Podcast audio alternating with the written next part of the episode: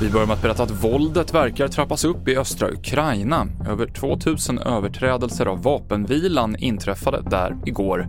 Så här säger vår utsända i Ukraina, Ritva Rönnberg, om vad som sker i de östra delarna av landet. Det senaste nu är en varning som har gått ut som från överbefälhavaren i Ukraina som säger att det finns uppgifter om att Ryssland eh, håller på att organisera en terrorattack som ska skyllas på Ukraina. Och det är det senaste vi vet just nu. Mer om Ukraina-läget på tv4.se. Sverige nu. Skånska Vellinge utsattes i natt för ett attentat där någon försökte anlägga en brand i kommunhuset. Rummet har varit rökfyllt eh, men eh, ingen större eldsvåda. Man har försökt eh, sätta fyr på fönsterbrädan men det har inte lyckats ta sig. Det sa Patrik Fors på polisen. Ingen har blivit gripen.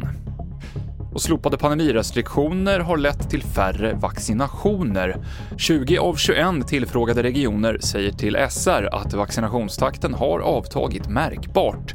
Region Östergötland uppger att många inte längre känner samma behov att vaccinera sig eftersom de anser att pandemin snart är över. Senaste nytt finns i appen TV4 Nyheterna i studion Mikael Klintevall.